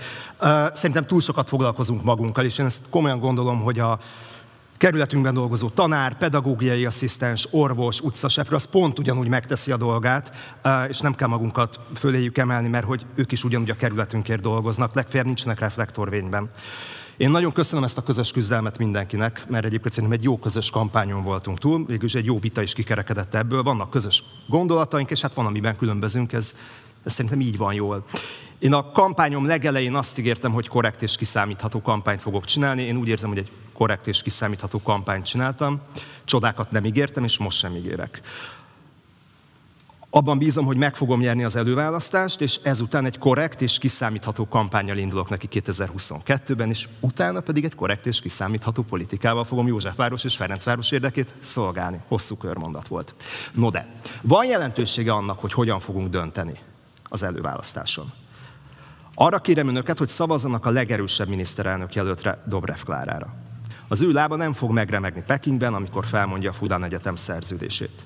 Egy picit sem fog izgulni Moszkvában, amikor Paks 2-ről fog tárgyalni. Brüsszelben pedig egészen otthon érzi magát, amikor majd például az elmaradt támogatásokért fog lobbizni, hiszen ő az Európai Parlament alelnöke. És arra kérem, hogy támogassanak engem az előválasztáson. Úgy fogok dolgozni, úgy fogok politizálni, ahogy eddig a civil életemben. Elérhető leszek. Számon kérhető leszek. A kiserdő, egyik kedvenc témám, ugye a kerületőrség, másik kedvenc témám, illatos úti talajszennyezés, nehéz erre mondani, hogy kedvenc, de nagyon fontos témám. Szóval ebben a három ügyben pedig már, hogyha megnyerem az előválasztást, már másnap föl fogom venni a kapcsolatot Barany Krisztinával és Piko Andrással, hogy elkezdjünk azon közösen dolgozni, hogy hogyan lehet előrelépni a kerületiek ügyében, és nagyon köszönöm a stábomnak a támogatást.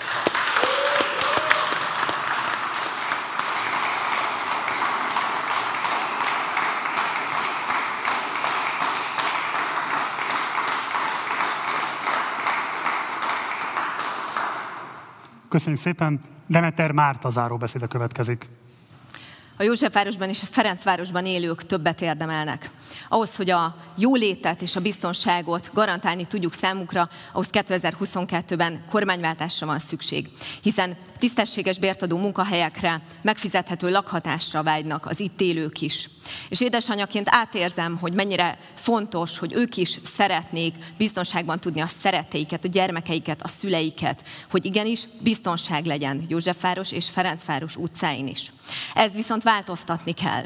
Világosan látszik, hogy a kormány semmi mást nem csinált az elmúlt években, kizárólag meglopta a magyar embereket. Rengeteg olyan cselekményt követtek el, aminek büntetőjogi következménye lesz, és kell legyen.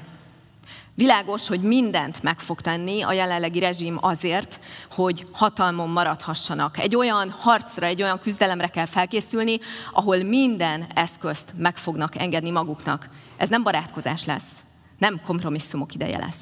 Ez kő, kemény harc lesz. Fel kell készülnünk a mocskolódásokra, a hazugságokra, a félrevezetésekre, a megfélemlítésekre, hogy igenis agresszívak lesznek, akár a választókkal kapcsolatban, akár az aktivistákkal kapcsolatban, politikusokkal kapcsolatban. Egy ilyen küzdelemre kell felkészülni, egy ilyen küzdelemre, küzdelemben kell tudni helytállni. Én továbbra is azt gondolom, hogy egy ilyen helyzetben nagyon fontos az országgyűlési képviselői tapasztalat.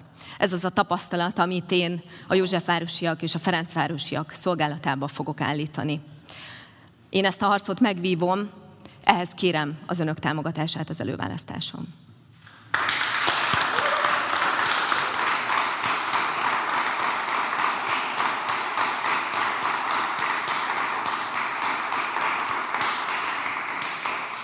Köszönjük szépen. Csordás Anett záró beszéde következik. Először is köszönöm szépen a jelöltársaknak, hogy így együtt vitatkozhatunk, és köszönöm szépen a szervezést.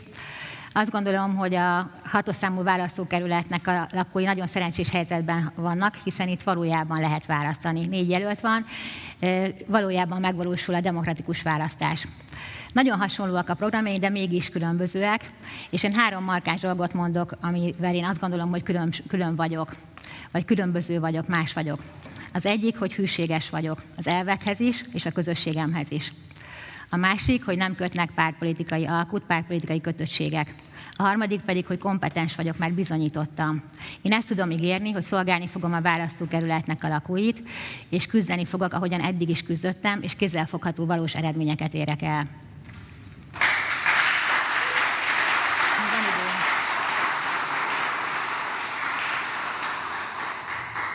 még van időm, én is szeretném megköszönni a csapatomnak, akik most is itt vannak, és akik láthatatlan hangyaként éjjel-nappal dolgoznak azon, hogy minél eredményesebbek legyünk. Úgyhogy köszönöm nektek, közösségben az erő, ilyen a változás. Köszönöm.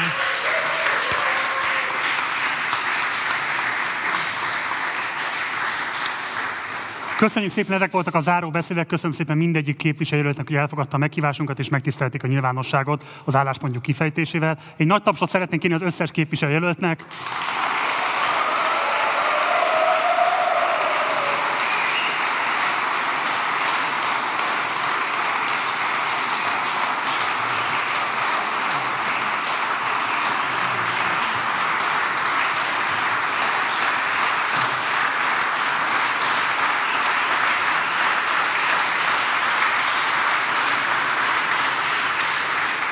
Nektek pedig nagyon szépen köszönöm a figyelmeteket, mára ez volt az utolsó vitánk, de holnap egy egészen rekordszámú vitával jelentkezünk, ugyanis három vitát is fogunk majd tartani. Érkeznek majd ide Budapest 18-as számú, 9-es számú, illetve 4-es számú választókörzetének jelöltjei.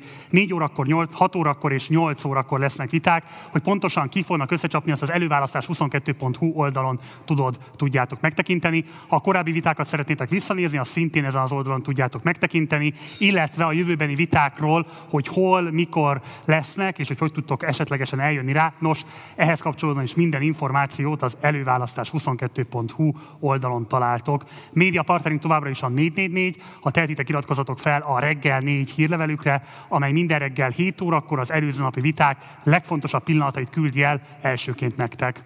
Munkatársai nevében köszönöm szépen megtisztelő figyelmeteket, Gulyás Márton voltam Budapestről, jó éjszakát kívánok, ciao.